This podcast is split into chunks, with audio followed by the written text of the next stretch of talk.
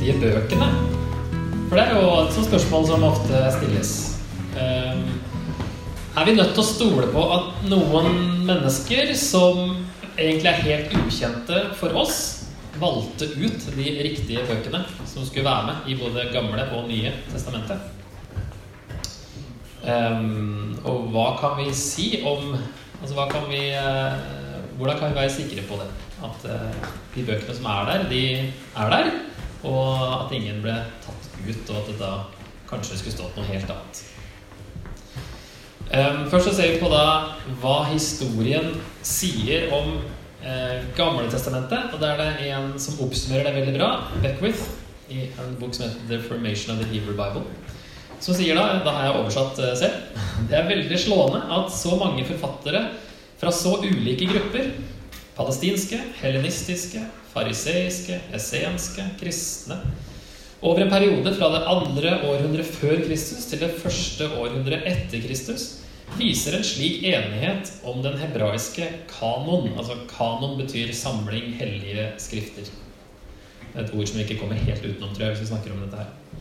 Ingen av disse vitnene er opptatt av å understreke autoriteten eh, Ingen av disse vitnene er opptatt av å understreke autoriteten til bøkene de nevner. I stedet går de alle ut fra Bibelens autoritet, og de går videre til å debattere tolkningen av dem. Så det er ikke et spørsmål engang, dette her, om eh, hvilke bøker som skulle være med. I alle forskjellige grupperinger som bruker Gammeltestamentet, over flere århundrer, så er det aldri oppe til debatt. De var tydeligvis helt enige om hvilke bøker det dreide seg om. De bare diskuterte tolkningene av dem. Det ser vi jo med Jesus når han snakker med de jødiske lederne. Så er de jo helt enige om hvilke bøker som er Gammeltestamentet. Og Eh, si, vår egen Oskar Skarsaune, som var professor i kirkehistorie på MF, sier da at eh, det er gode argumenter for det syn at hele GTs kanon var lukket før det første århundret etter Kristus. Altså Før Jesu tid så var det egentlig da var det ikke noe spørsmål om det her. Eh, og det har kanskje aldri vært noe spørsmål. Men i hvert fall så vet vi at fra ca. Jesus så er det gode argumenter for at da var det i hvert debatt lenger om det hadde vært det. Takk, Eivind. Et litt mer sånn kristent argument, da. Det er jo, eller spørsmål Hvordan så Jesus på Det gamle testamentet? Det er jo viktig for eh, kristne. Det er ikke et sånn objektivt historisk argument, men det er jo likevel grunnen til at vi skal bry oss om Bibelen i det hele tatt, er jo Jesus. Så det er jo egentlig ganske sentralt å se på hva han sa. Og når han siterer eh, Moseloven, Markus 7 f.eks., så veksler eh, Om det er han eller Markus, i hvert fall så veksles det mellom eh, Guds bud, kaller det Moseloven for Guds bud, Moses sa, og Guds ord. Det er ett fett å si. Det Moses sa, det var Guds ord. Det er det Jesus sier der. Eh, I Matteus 19 så sier Jesus da Har dere ikke lest at Skaperen fra begynnelsen av skapte dem som mann og kvinne, og sa Derfor skal mannen forlate far og mor og holde fast ved sin kvinne, og de to skal være én kropp. Hvis du slår opp det sitatet der, første Mosebok 2,24, så er ikke det et direkte sitat av Gud i anførselstegn. Som Jesus sier 'Skaperen sa', kolon. Så kommer sitatet. Det er bare fortellerstemmen i teksten som sier dette her. Men likevel så kaller Jesus det for Gud sa. Fordi det, er en del av Mosebøkene. Selv om det er liksom fortellerstemmen som sier det, så sier, Gud, nei, sier Jesus Gud sa dette her. Det vitner om veldig sånn høyt uh, syn på teksten. Um, og vi ser noe av det samme i Hebreerne 4.4, um, som refererer til første Mosebok 2.2 på litt samme måte. Kaller det for, for at Gud sa det eller Guds ord, selv om det ikke er et sitat. Ehm, og i Johannes 10, 35 så kaller Jesus eh, Gammeltestamentet for Guds ord, og sier at det ikke kan bli satt ut av kraft, eventuelt løst eller brutt, som det ordet også kan bety. Eh, og så er det i Matteus 12 så snakker han om eh, Jonah. Historien om Jonah som da blir svelget, svelget av en fisk, stor fisk. Eh, og Jesus sier at dere skal ikke få noe annet tegn enn Jonah-tegnet, sier han til de som ikke vil tro på ham. Altså, de sier liksom ja, gi oss et tegn, da, så skal vi tro på deg. Nei, dere får ikke noe annet tegn enn Jonah-tegnet. Altså, sånn som Jonah var i tre dager i fiskens buk, sånn skal menneskesønnen være tre dager i jordens dyp. Um, og så uh, sier han etterpå at uh, innbyggerne i Ninive, som Jonah dro til, de skal stå opp i dommen. Så han omtaler dem som faktiske personer. Virker som han sier at den Jonah-historien, den skjedde faktisk. Litt forskjellig syn på det, men jeg syns det høres sånn ut at han tar de Ninive-innbyggerne som faktiske historier, eh, historiske personer.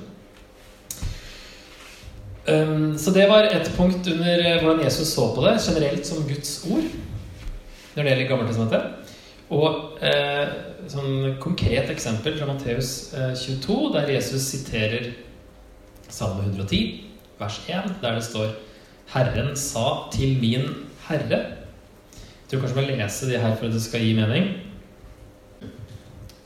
Eh, mens fariseerne var samlet, spurte Jesus dem. Hva mener dere om Messias? Hvem er han sønn av? David, svarte de. Jesus sa, hvordan kan da David ved ånden kalle ham herre? Han sier jo, Herren sa til min herre, sett deg ved min høyre hånd, til jeg får lagt dine fiender under dine føtter. Når David altså kaller ham herre, hvordan kan han da være Davids sønn? Ingen kunne svare ham et ord, og fra den dagen våget heller ikke noen å spørre ham mer. Så der satte dem skikkelig fast. Hvordan kan, han, hvordan kan David i Salme 110 kalle Jesus, kalle Messias for herre hvis Messias skulle være en etterkommer, en sønn av David? På hebraisk der så står, det ser det sånn ut Min herre Altså når du leser den veien, så er det den, egentlig den bokstaven helt til venstre. Eh, min vil den første bokstaven eh, bety i dette ordet. Det settes jo sammen da, til ett ord. Eh, og hvis man er litt unøyaktig i kopieringa av det, så kan den dras litt for lang, og da blir plutselig betydningen 'hans herre'. Og hvis den igjen ikke oversettes eller kopieres uh, nøyaktig, så kan den bli litt sånn lengre og litt kantete. Så kan det bli 'din herre'. Så her argumenterer Jesus i hvert fall uh, ut fra én bokstav, og det er den minste bokstaven. At den er riktig. For ellers så uh, fungerer ikke argumentet. Og det fungerer heller ikke hvis David ikke faktisk er forfatter, som uh, det står i Salme 110 at David skrev det. Og så sier Jesus at David var inspirert av Den hellige ånd. Hvordan kan David ved ånden si dette her. Så her får vi litt info hvordan Jesus så på eh, i hvert fall denne salmen her. Stort sett, så Generelt så trodde han nok eh, det samme om resten av GT også. Og en fransk teolog som eh, oppsummerer det her. Det er ingen tvil, for Jesus var Skriften sier det samme som Gud sier. Vi må stole på at Bibelen tolker seg selv. Altså det at Jesus her tolker hvordan vi skal se på GT for oss. Vi kan ta Jesus' syn på GT. Hvordan kan vi avvise denne metoden hvis vi hevder at vi følger Kristus? De som kjenner ham, vet at de kan følge ham i hans tilnærming til Bibelen. Så hvorfor er Jesus' syn relevant på Gamletestamentet? Som sagt, litt mer kristent argument, men det er liksom det som er hele poenget med Bibelen. Da. Så derfor tenker jeg vi ser på det med god grunn. Dersom Jesus er Gud som ble menneske, så betyr det at han visste hva han snakket om. Og at han faktisk hadde på en måte skrevet det. Eller i hvert fall vært med på prosessen at det skulle bli skrevet. Og så er det det at, som han er inne på han eh, franske han Blochet her, at eh, en disippel står ikke over sin mester. Vi tror ikke vi vet bedre enn han. Vi følger Jesus og stoler på det han sa.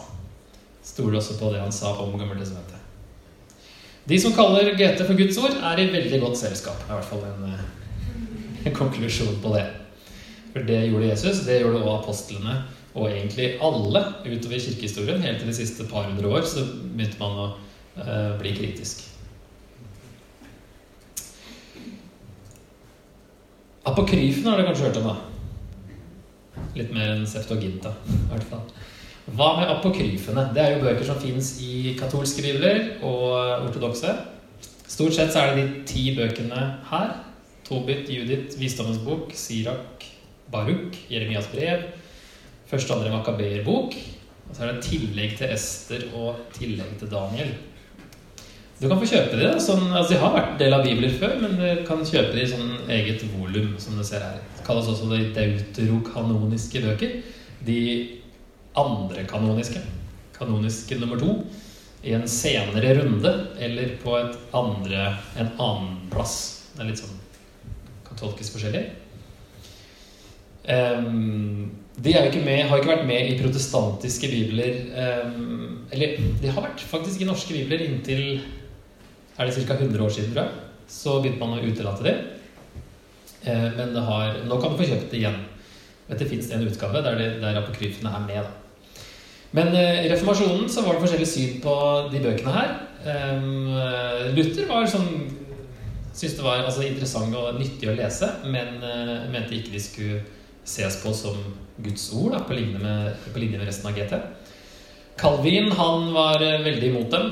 Eh, mer sterke følelser si, enn Luther. Eh, så det var et forskjellig syn på det. Men eh, som regel så ble det jo da ikke tatt med i fysiske bibler som ble trykket etter reformasjonen. I hvert fall i reformerte land. da. Grunner for å utelate dem, da, det er jo at Og det var det de reformatorene um, uh, brukte som argumenter, at de har aldri vært en del av det jødiske GT. De har aldri vært liksom, i hebraiske bibler fordi de er for unge, og de er skrevet på hebraisk. Eh, ikke, eh, ikke, skrevet på hebraisk, de er skrevet på gresk. Eh, og de er da fra, fra, mange av de fra andre århundre før Kristus. Og, liksom, og, de refererer tilbake til GT, som vi har det, da, som, eh, som en autoritet. Og de sier også at dette skjedde eh, da det ikke lenger sto fram noen profet blant folket. de og de så på at alle, altså de skriftene som er på hebraisk, er skrevet av profeter. Så de, de, stiller seg selv på et lavere nivå. Eh, men det var et godt argument, syns da reformatorene. Det har aldri vært en del av det jødiske Gammeltestamentet.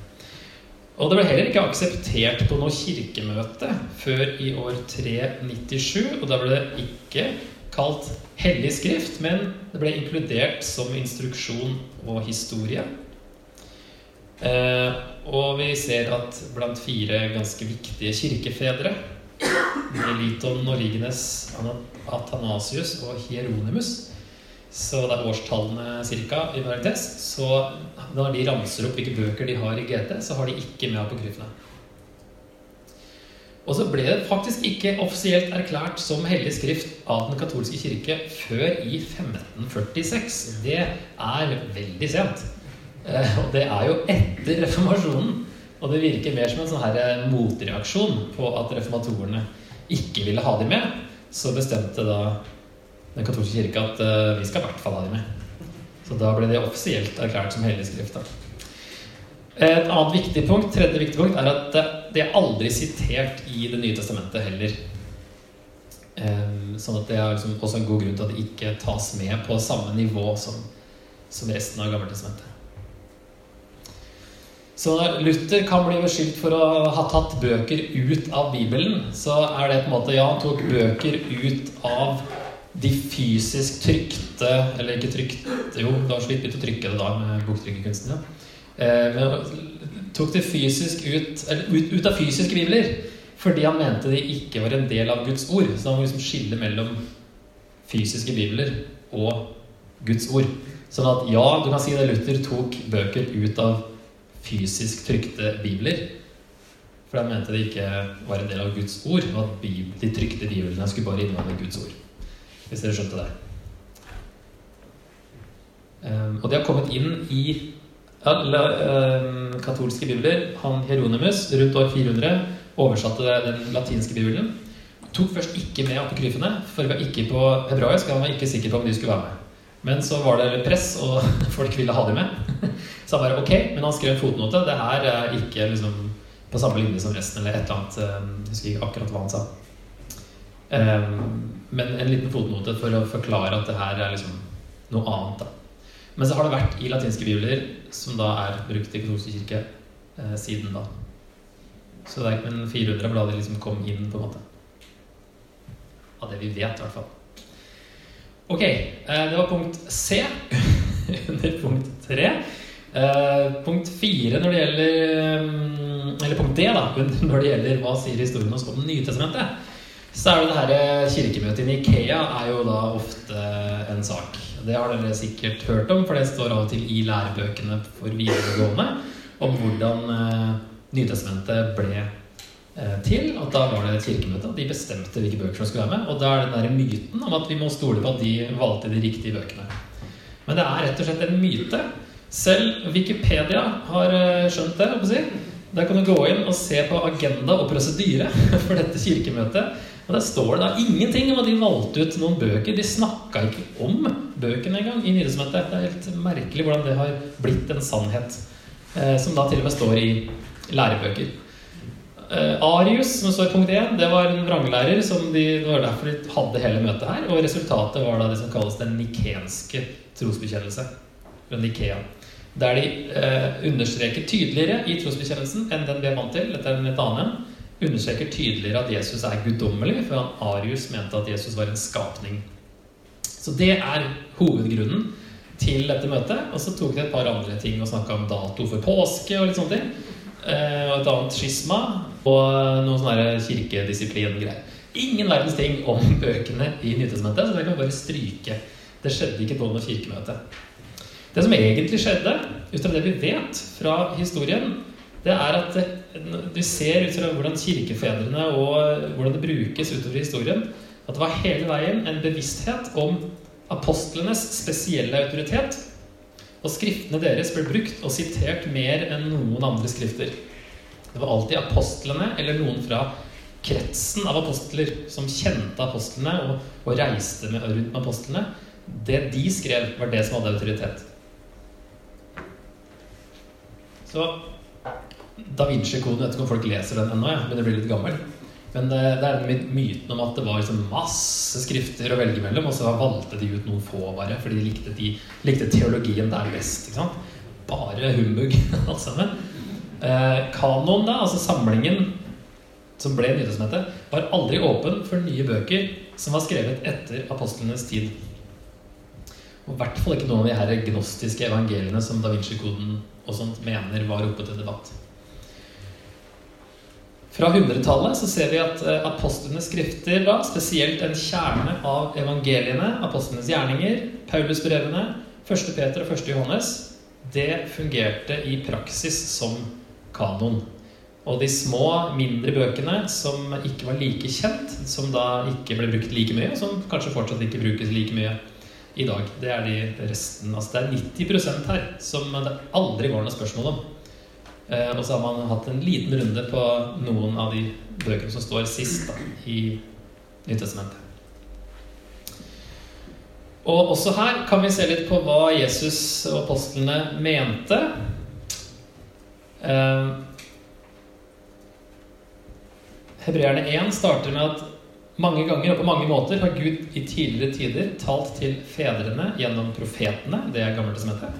Men nå, i disse siste dager, har han talt til oss gjennom Sønnen. Gjennom Jesus. Og Jesus selv sa at himmel og jord skal forgå, men mine ord skal aldri forgå. Han er ganske klar på det han sier. Det skal i hvert fall gjelde. Og så ga han sin autoritet videre til apostlene i noen vers her. Lukas 10, Johannes 17. Den som hører dere, hører meg. Den som forkaster dere, forkaster meg. Som du har sendt meg til verden, sier han til Gud, har jeg sendt dem til verden. Jeg ber ikke bare for dem, men også for dem som gjennom deres ord kommer til å tro på meg. Og det gjelder jo stort sett alle kristne. Bortsett fra de som hørte apostlene i livet, så har jo alle andre kommet til tro gjennom det de skrev. Og det er tydelig at Jesus gir dem autoritet til å skrive og eh, ta budskapet videre. Og i 2. Peter så står det om dette taler han, Paulus, i alle de brevene hvor han kommer inn på disse spørsmålene. Det er ikke så viktig hva han snakker om. Det er noe der som er vanskelig å forstå, og de ukyndige og svake forvrenger dette, slik de også gjør med de andre skriftene. Det er det siste som er viktig i denne konteksten her. da. Det at Peter kaller Paulus sine brev eh, for Altså han legger det i samme gruppe som de andre skriftene. Han sier ikke Paulus og skriftene, men Paulus og de andre skriftene. Så han ser tydeligvis på Paulus-brevene som en del av Skriften allerede på 60-tallet i første århundre.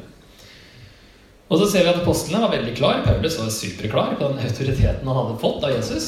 Han sier f.eks. at eh, Eller her er det først eh, Peter i Apostelens gjerninger 10.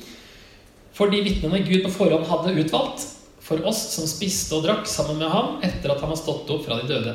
Og han påla oss at vi skulle forkynne for folket og vitne. Det var oppdraget de hadde fått. Apostlene. Paulus eh, sier da i Galaterne 1 men om vi selv, ja, om en engel fra himmelen, skulle forkynne dere et annet evangelium enn det vi forkynte dere, forbannet være han. Sånn. det finnes ikke noe annet evangelium eh, enn det de har hørt av Paulus. Eh, og i første Tessaloniker Dere vet jo hvilke påbud vi ga dere fra Herren Jesus. Så kommer det noen påbud. Gjør sånn og sånn og sånn. Den som avviser dette, avviser derfor ikke et menneske. Han avviser Gud. Så han er i hvert fall veldig klar på det. Og Derfor har N.T. Wright, en uh, kjent teolog, uh, sagt at det ble ofte sagt at forfatterne av Det nye testamentet trodde ikke at de skrev hellig skrift da de skrev det. Altså De hadde ikke peiling på at dette kom til å bli en del av Bibelen senere. Dette er det vanskelig å opprettholde historisk i dag. Det faktum at skriftene deres var på ulike måter situasjonsbetinget De tydeligste eksemplene er brev som ble skrevet for å ta opp plutselige problemer er ikke relevant. På nettopp de tidspunktene med presserende behov, når han skriver f.eks. Galaterne eller andre korinterbrev, er Paulus mest bevisst på at han skriver som en med autoritet ut fra det apostoliske kallet han hadde fått fra Jesus Kristus, og i åndens kraft, for å bringe liv og orden til menigheten med sine ord. Så det, de hadde nok en formening om at det, det, de skrev, det her var viktig. Ikke at de visste at det kom til å bli en samling som het Bibelen, og som skulle se sånn ut. Men det at de skrev med autoritet, var de tydeligvis veldig klar på. Så for å oppsummere alt det her, for å gjøre det litt enklere, er vel to punkt for å oppsummere. Punkt tre. Det var aldri noen diskusjon om bøkene i GT. Jesus kalte dem Guds ord, og det samme gjorde jødene og apostlene. Den er veldig svart-hvitt. Det er egentlig aldri en diskusjon. Og når det gjelder NT Det skjedde aldri noen utvelgelse av bøkene i NT. De hadde autoritet helt fra starten fordi de kom fra de som hadde vært øyenvitner, blitt utvalgt og fått autoritet av Jesus. Kirken kom fram til de samme skriftene uavhengig av hverandre. Dette her skjedde før kirkemøtet i Nikea, der de ikke snakka om det uansett. Og før Kirken hadde noe som helst eh, makt til å samle sammen til noe møte, og til å bestemme noe som helst som skulle gjelde over hele Romerriket for alle menigheter. Det skjedde som en organisk prosess at man kom fram til de samme bøkene over hele Romerike, egentlig. Vi har et kvarter igjen, vi har ett punkt igjen, men det er ganske kort. Så jeg tror det her går bra. Og så er litt sånn der, jeg skal prøve å få ting til å synke litt på, på slutten. Eh, da henter jeg på en bilde fra forrige gang, for de som var her da, når vi hadde denne gjennomgangen av hele eh, Gammeltestamentet, annet. Det at eh, eh Bibelen er Kall det en profetisk bok. Altså den historien som Bibelen forteller, som er den store fortellingen, hvordan den er eh, lagt opp, hvordan ting henger sammen, og hvordan ting sies at skal skje, lenge før eh, det skjedde. Det er jo også noe som bygger opp under troverdigheten til Bibelen.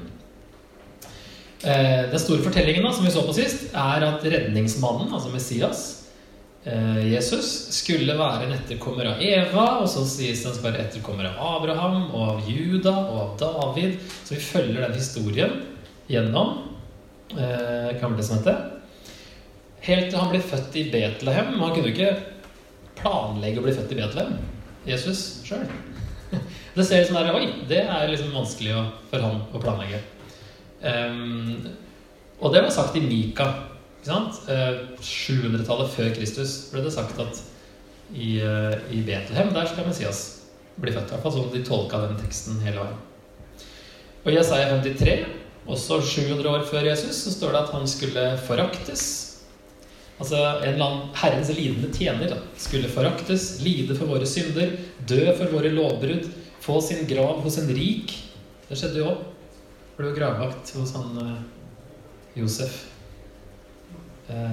Rikmanns grav. Han skal se lys, da har vi det ene ordet fra Septuaginta, og gjøre mange rettferdige, står det. Utrolig detaljert. Mange, mange, mange hundre år før det skjedde. Så, sånn sett så kan du si at Bibelens store fortelling peker på et troverdig opphav. Bare en rask slide om det.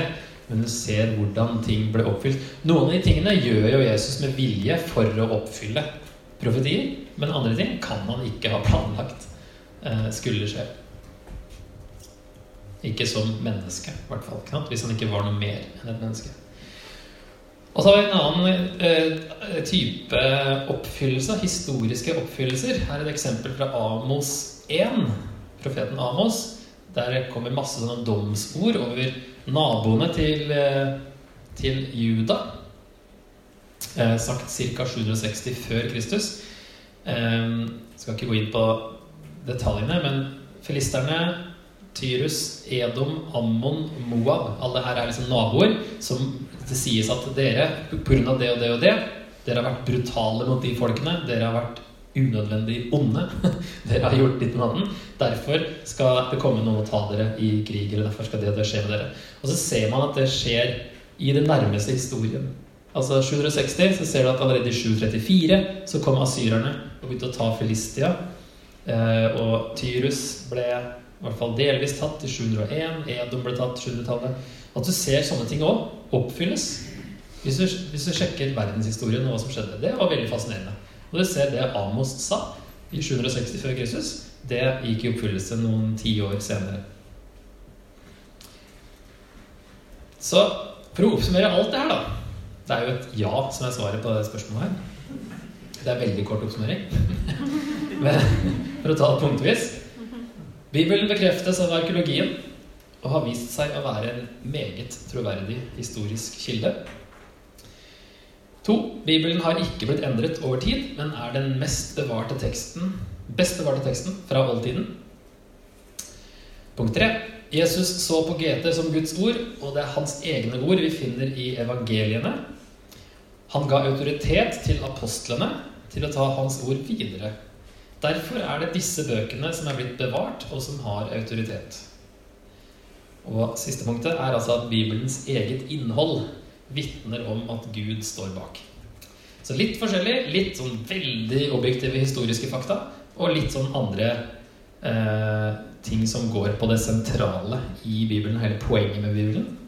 Og hva Jesus sa. Så vi tar, må ta stilling til Jesus først, kanskje, for at alle de argumentene her skal være relevante. Men i hvert fall så vil de her objektive, historiske argumentene, det er bare historiske fakta som man må ta på alvor hvis man skal konkludere noe når det gjelder Bibelen og dens troverdighet. Jeg tenkte vi prøver liksom kokte i hop noen spørsmål her til liksom prøve å gjøre det relevant for oss. Um, som vi kan få de siste minuttene til å snakke sammen. Hvor stor tiltro har du til Bibelen? Er det noen områder hvor du ikke har det? Hva kan gjøres med det? Hva slags holdning har du når du leser Bibelen? Hvorfor? Lar du den være standarden andre autoriteter måles mot? På hvilken måte, eller hvorfor ikke? Og antallet manuskripter viser at mennesker har ment det var viktig å ta vare på Bibelens skrifter. Påvirker dette deg på noen måte? Så kan vi prøve å gjøre det litt sånn relevant på slutten her. Det har vært masse informasjon og eh, fakta. Så vi prøver å omsette det litt til livet nå. Så da har dere sju og et halvt minutt til å snakke om.